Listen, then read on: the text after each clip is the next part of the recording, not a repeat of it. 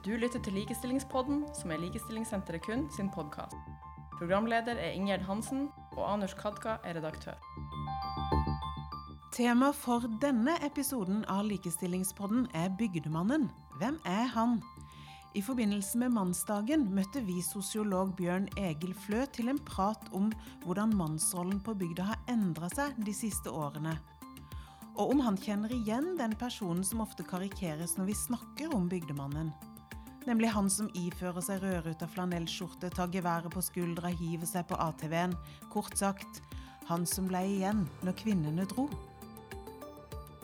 for å si det sånn, Jeg kjenner i alle fall mytene. Eh, de, eh, de blir jo eksponert for til dagen. igjen. ikke sant? Vi, vi, ser jo det i alle mulige slags sammenhenger, særlig populærmediene. Og de er jo da fylt av til randen av slike der bygdetullinger og rurale tristesser. Og det er vel det han kan kalle en sånn der skitten, realistisk horrorkavalkade. Så da dominerer mye av denne disse rurale filmene og litteraturen eh, som eh, vi, vi, ser ganske ofte. Men, men, egentlig så vil jeg ikke si at jeg, jeg ser det så tydelig sjøl. Rett nok for all del. Jeg ser både flanellskjorte og felleskjøpdress. og er jo det jakttid, så kan du av og til se jaktvåpen også. Men, men eh, der er nok ikke så uh, utprega som mytene vil ha det til. Uh, det er det nok ikke. Vi skal komme nærmere inn på både mytene og mannen etter hvert, men uh, kort, det er jo en grunn til at vi ønska at du skulle delta i denne podkasten. For i tillegg til at du er sosiolog, så har du jobba som forsker i veldig mange år, og i den forbindelse så har du jo reist mye på, på landsbygda, er ikke det riktig? Jo da, jeg, jeg, er, jo, jeg er jo, en, en sånn såkalt kvalitativ eh, sosiolog som er ute og snakker med, med folk der ute. og, og eh, det er jo, Jeg kommer ikke langt i min måte å jobbe på med bare, bare sånn eh, offentlig tilgjengelig statistikk. Så jeg er jo ute der og gjør dybdeintervju med, med både menn og kvinner på, bygde, på i, i bygdene. Og, og det er klart, så, Sånn sett så, så, kjenner jo jeg eh, bygda og bygdemannen eh, på mange måter. Eh, eh samtidig så er jo jeg Jeg har jo eh, mitt, mitt, primære eh, forskerinteresse ligger jo ikke på kjønnsforskning som soleis, Så akkurat maskulinitet som, som, tema er jo ikke mitt kjernetema. Men jeg er jo er jo nødt til å forholde meg til det eh, på mange måter. Og La oss da stupe rett inn i det. For selv om det ikke er ditt kjerneområde, så er det jo et tema du kan ganske mye om i forhold til mange andre. Og når temaet er bygdemannen, mannsrollen på bygda, så kommer vi jo inn på dette her maskulinitetsbegrepet. Ehm, det er litt uklart for meg. altså Hva mener vi egentlig med maskulinitet i denne sammenheng? Jeg, jeg, tenker av og til at det er to, eh, det er to eh, begrep som vi bruker her. Det, er mannsrollen og så maskulinitet. Altså Mannsrolla, det tenker jeg på mange måter er, er en sånn sterkt sånn sosialt eh, definert rolle for hvordan vi er som menn. Og der, der tenker jeg at det, til liks med, med, med, byen, så har også bygda gått gjennom kan vi si, sin modernisering. Og vi har, fått, vi har en mer moderne rolleforståing nå enn vi hadde for, for en tid tilbake. Og, og, det ser vi gjerne i sånne ting som hva som er på en måte er sosialt akseptable ting å gjøre. ikke sant? Altså, på bygda som i byen så triller menn barnevogner. ikke sant? De, de, de stiller på foreldremøte og er på en måte disse her som deltar i denne sosialomsorgen, som kanskje var rollemessig definert til kvinner i, i det i førmoderne, kan vi si. Uh, uh, og, og, så når det gjelder maskuliniteten, derimot, så så tenker jeg at den er på mange måter litt mer sånn eh, stadegne knytt til både, både, praksisen og geografien og landskapet og slik som det spiller seg ut i hverdagslivet som vi, som vi, som vi lever i. Da, da, da, da, tenker jeg at det, eh, altså I enkelte rurale samfunn eh, så, så, så, ser jeg vel nå at det, vi, det er i ferd med å vokse fram en slags sånn si, snevrere, mer innskrenka rom for, for, ulike maskuliniteter igjen. Altså, dette, dette, dette, mener jeg å se helt, sånn, helt sånn ny, nytt eh, akkurat nå. For at det, mer vi vi, vi, i mange mange år utvida denne ramma for hva som er maskulinitet, så holder det nå på på enkelte, enkelte rurale samfunn. Der holder dette på å bli innskrenka igjen. Og Da er vi litt sånn tilbake til det er disse her tinga som, som vi liksom som menn gjør. Da. Altså, vi skrur bil, vi går på jakt. Vi er på en måte Vi, vi nedlegger et bytte. Vi dominerer på en eller annen måte eh, noe. Det er, no, det er uh, men, men, det det jeg tenker at det, Den er i ferd med å komme tilbake litt igjen? altså At ja. det er økt fokus på det, at det har sovet litt en stund? Er det det du sier? Ja, det er det, det, jeg tenker. Det er det jeg holder på å se som skjer akkurat nå. da. Eh, men dette her er bare et inntrykk jeg har. altså I enkelte rurale samfunn der jeg har blitt veldig sånn mono, monokulturelle, kan man si. På en måte en form for sånn hegemonisk kultur, da, eller en type kultur som på en måte har definisjonsmakta for hvordan vi skal være. Og Det er, det er særlig de, de, rurale samfunnene der, der disse maskuline yrkene eh, og, og, og som på en måte i stor grad sysselsette menn. Da. Uh, og, de, de, og, de, vil helst sysselsette menn også, for vi tror det at det her handler om fysisk ferdighet, styrke og, og slike ting. Og, og, da, og, da, blir det veldig mye Menn blir veldig mye sammen med menn. Og, jeg tror denne, denne maskuliniteten Mange snakker om at menn har en tendens til å ville dominere. Eh, men jeg tror at den blir enda sterkere menn sammen med menn. Da, da handler det om å dominere hverandre snarere. Jeg tror, jeg tror, menn er de som på en måte definerer maskuliniteten mer enn resten av samfunnet. La oss ta et skritt tilbake nå, for nå har du sagt mye interessant. Og noe av det du sier, det er jo at denne maskuliniteten kommer særlig fram på arbeidsplasser hvor det er mange menn samla. Og hvis jeg har forstått det riktig, så mener du at det er en utvikling der at tidligere så så du både menns- og kvinnearbeidsplasser på bygda, men at kanskje nå er noen av kvinnearbeidsplassene forsvunnet, er det riktig? Og at det er de tradisjonelle mannsarbeidsplassene som er dominerende? Ja, det er det, det, det jeg, jeg, mener å se. Uh, skjer. Det skjer ikke sånn generelt i bygda. Altså, hvis vi ser stort på dette, her, så er, jo, så, så, så, er ikke dette her et fenomen. Men det skjer enkelte uh, det som vi, kan kalle ekstrem ruralitet, eller noen særskilte samfunn der dette her, uh, utvikler seg. Da. Det, det er der du har et sånt monotont type næringsliv. Det kan være knytt til primærnæringa, enten det er noe havbruk eller det er jordbruk eller det er industri av en eller annen sort. Og, eh, og, og da, er det, da, er det, liksom det vi, det, det, det, det, er det vi driver med her. ikke sant? Og Det samme er det egentlig i forhold til fritidsaktiviteter. Når du på en måte når det, blir, når det blir færre tilbud, så er på en måte, da er på en måte jakta og fotballen igjen, på et vis. Uh, uh, og, og, og, da uh, dette, dette, tror jeg henger litt sammen med at vi, vi skjærer litt nei på, på her, disse her virkemidlene som vi har hatt sånn distriktspolitisk over tid. Og, det, det, dette skjedde vel Jeg ser jo disse ruralitet, eller distriktsforskerne mener jeg, de, de, de, snakker jo om at noe skjedde en eller annen gang på 80-90-tallet, når vi på en måte skar ned i norsk distriktspolitikk og begynne å spare på disse her overføringene til distriktene. Ja, og bare for å ta det med en gang, nå, nå skal ikke denne podkasten handle om nedskjæringen i distriktene, men dette blir jo ekstremt viktig for å forklare utvikling av mannsrollen. Og det var vel faktisk sånn at det var en villa politikk, har jeg rett nå, å, å skape kvinnearbeidsplasser i offentlig sektor på bygda en gang, nettopp for å få den balansen Nettopp. Det var, det var en villa eh, politikk i, i, mange mange, mange år. Og det er det for så vidt, men virkemidlene er ikke der lenger. på samme måte. Eh, for det, det som vi gjorde i mange år, det vi satsa på offentlig sektor. Vi, vi, vi, la skolene ut i grendene. Vi, vi la på, bygde sykehjemmer og omsorgstjenester. Og vi på en måte laga sånne komplette samfunn på, annen, på, et eller annet vis. Men så, så, så, begynte vi stadig, og etter hvert som vi ble rikere og rikere, så skulle vi spare mer i offentlig sektor.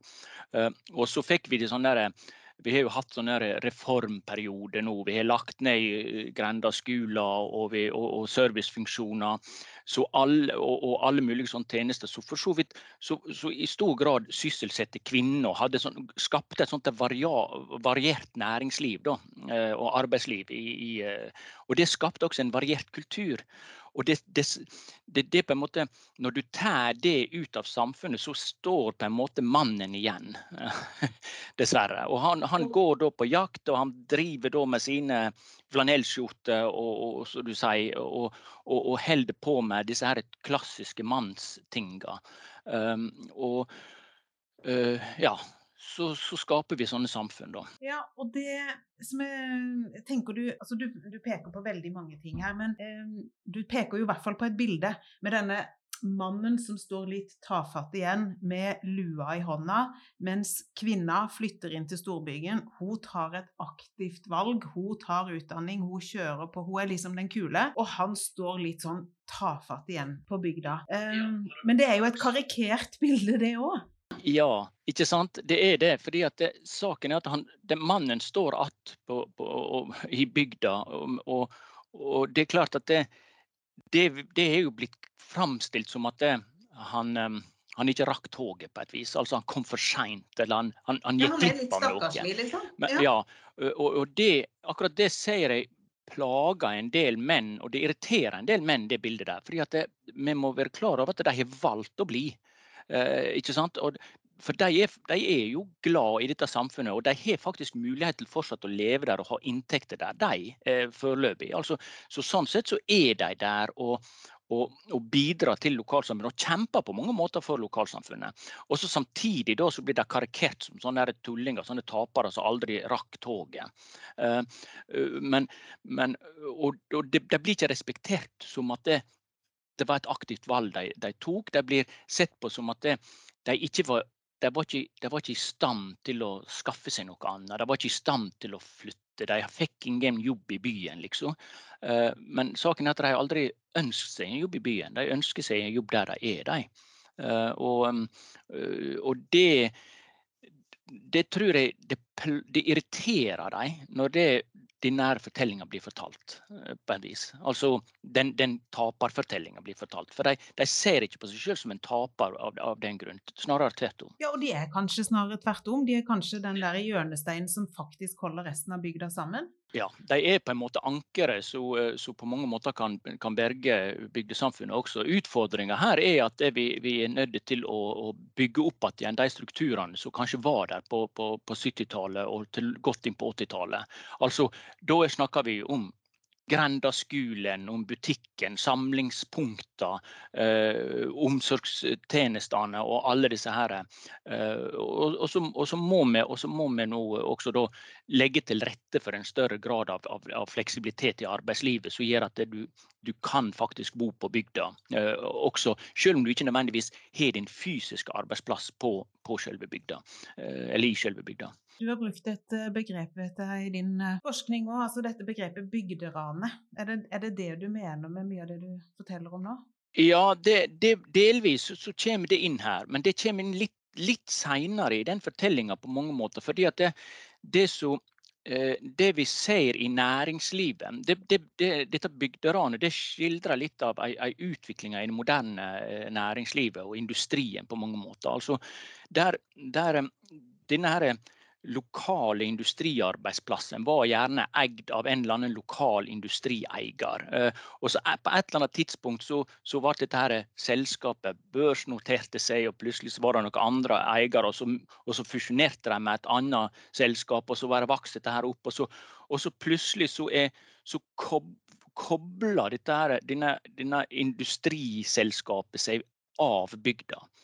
Og, og plutselig så tenker jeg at de kan like gjerne produsere dette her i Korea eller Vietnam eller, eller, eller, eller i, i, Kristiansand. Skjønner du hva jeg mener? Altså, eh, det er, det er måte, de er ikke, de er ikke, en, de ikke en, en, del av lokalsamfunnet sånn som de en gang var.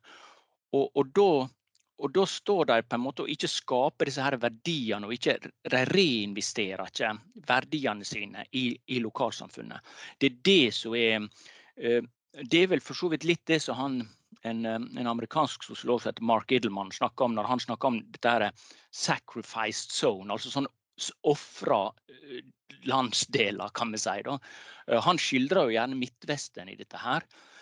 Og, og, en del av dette området rundt rustbeltet og dette, så, så opplevde disse ekstreme krisene. Og sånne, sånne lokalsamfunn holder vi på å få her. Og dette, her, dette går dette går direkte inn i mannsrolla igjen. Og, og, her må vi bare ta en liten sånn oppsummeringspause nå. For det jeg syns er utrolig interessant med det du forteller, er at mannsrollen på bygda, det handler ikke om at vi kan dele ut noen løpesedler og si til mannen nå må du melde deg inn i sanitetskvittene og begynne å strikke eh, votter eh, for å utvide mannsrollen. Altså dette handler om tunge samfunnsmessige strukturer. Det handler om oppbygging av arbeidsplasser, og det handler om nedskjæring av tilbud som veldig karikert. Vi vet jo at bygdene er veldig ulike, men karikert så jobber mannen på en mannsarbeidsplass, og det som står igjen for han er jakt og fotball i fritida. Og der har det vært en endring. Altså Der har det vært en enorm endring de siste åra. Og da syns jeg vi skal gå inn på nettopp det du nevner med sacrificed zones. Fordi jeg, jeg må si jeg, jeg var litt forundra når vi skulle planlegge denne podkasten over at det er gjort så utrolig lite på mannsrollen på bygda Særlig i lys av den utviklingen vi har sett i USA, som du nevner nå. ikke sant? Hvor Trump fant masse av velgerskaren sin nettopp i disse sacrificed zone, nettopp blant menn som opplever at de er glemt av hovedstaden, som utvikler en eller annen identitet eh, knytta til at eh, de er forlatt, ingen bryr seg, vi må ta saken i egne hender. Og så sier du at noe av dette må vi være litt obs på her òg? Ja, jeg, jeg, er helt enig med deg i det. Og, og det jeg, vi må, jeg tror vi må forstå at, at kjønnspolitikk, likestillingspolitikk, eh, mannspolitikk for den del, det, det, henger sammen med næringspolitikk, distriktspolitikk, velferdspolitikk. Altså, dette her er, alt dette her er tett sammenvevde politikkområder, og vi er nødt til å se helhetlig på det. Fordi at hvis vi hvis vi, hvis vi, skaper denne her, uh, frustrasjonen som de nå har i, uh, i til Uh, USA og, og, altså Vi har det i Storbritannia også. Vi, har det, vi har det på kontinentet. gule vestene var fulle av slike typer menn som følte seg forlatt og tilsidesatt. ikke sant? Og, og, og I tillegg så er det en slags denne maskuline aggressiviteten kommer gjerne fram i sånne sammenhenger her. og, og hvis vi, hvis vi kommer så langt i Norge, så mener jeg vi er, vi er kommet forferdelig Da er det forferdelig tungt å snu. Eh, men fremdeles så har vi, vi har faktisk tid i Norge nå. Altså, i, i Norge så, så protesterer vi relativt sett innenfor lovlige midler. Altså Hvis vi ser på distriktsopprøret, vi ser på motstanden mot vindmøllene, vi ser fødestoveforkjemperne. De, de, rodde de kledde seg opp i bunad og rodde. Altså, skjønner du hva jeg mener? Altså, det, det, det, dette her er fremdeles ganske vi, vi, De er veldig veldig rolige, eh, selv om de er, de er sinte nok. Men, men fortsatt er det lovlige metoder vi bruker. Og, og da, bør vi, da, bør vi, begynne å lytte til det der og tenke at dette her, her eh, det, det, er spørsmål hva slags type samfunn vi vil ha. Og En gruppe vi bør lytte til her, det er også de frustrerte mennene. Eh, og, og snakke mer hva er det de ønsker seg slags samfunn. Og jeg er helt sikker på at det de ønsker seg, det er faktisk et jeg, jeg vet at det er det de ønsker seg. Dette forteller de meg, meg til dagen. De ønsker seg et samfunn som er komplette, eh, der du, der du har der du har et um, velfungerende funksjoner. Og du har, du, har, du, har, du har, sosiale og kulturelle møtesteder. Og, og, du, og, du, kan leve et liv som mann og som far, ikke minst. At du lever som en moderne far. Det er det de ønsker seg. Og og de ser på sine kjønnsbrødre i byene og ser hva slags liv de lever. Og de ønsker seg faktisk mye av det samme. Men de vil være på det stedet de er. Mm. Eh, og da trenger de å ha eh, de fasilitetene som kreves for å, å, å, leve et moderne liv. Så det du egentlig sier, er at mannsrollen er ikke så forskjellig i byen og på bygda. Altså, bymannen liker å reise til fjells i helgene, bygdemannen har bare den muligheten litt oftere. Eh, bymannen liker å gå på jakt, det gjør for så vidt bykvinner òg, men det er den muligheten bygdemannen har. Men mye av altså kanskje litt sånn barsk humor og en del av de tingene som vi forbinder med, med menn, da, at det får et større rom for å utvikle seg i en bygd hvor man jobber på en tradisjonell mannsarbeidsplass? Det som ofte skjer, det er at eh, jeg, jeg vet ikke hva jeg har dette uttrykket, dette begrepet mannehurven ifra, men jeg lurer på om det var Agnes Bolsø som brukte det en gang første gang jeg hører det. Men, men den, jo, den, ser jo jeg vokse fram, da, denne her litt sånn litt sånn maskuline, litt primitive måten å snakke sammen på. Humoren blir Og det, det skaper når vi, når vi, er lenge nok i et sånt miljø, så skaper det en slags sånn der, litt sånn destruktiv, maskulin væremåte. Eh, så, så, for så vidt også gjør at du blir ikke særlig attraktiv eh, å, å, å, å leke med uh, blant folk som kommer utafor. Altså, folk reagerer på denne her mannehurven. og Den utvikler seg i sånne sterke, utprega maskuline eh, samfunn. Ja, og hvis det da har vært en nedtrapping av tilbudene på bygda òg. Altså, vi vet jo faktisk at eh, det er mange familier som har måttet reist fra bygda til byen fordi kvinnen får seg ikke jobb. Eh, og så er det kanskje da i enkelte bygder flere menn enn kvinner som blir igjen, men da blir grendelaget litt nedlagt. Der møttes man uformelt, menn og kvinner, man fikk slipt seg. Eh, teaterlaget blir nedlagt, koret blir nedlagt. Eh, altså, vi reduserer antall møteplasser hvor man kan slipes litt på hverandre, da. Blir det jo riktig å si? Ja, det blir rett å si, og jeg syns det er et godt begrep også. Det er et begrep som menn vil forstå, bygdemannen vil forstå seg på også. Altså Slipesteiner har de erfaring med. og det er klart at de de, de, vet at de blir,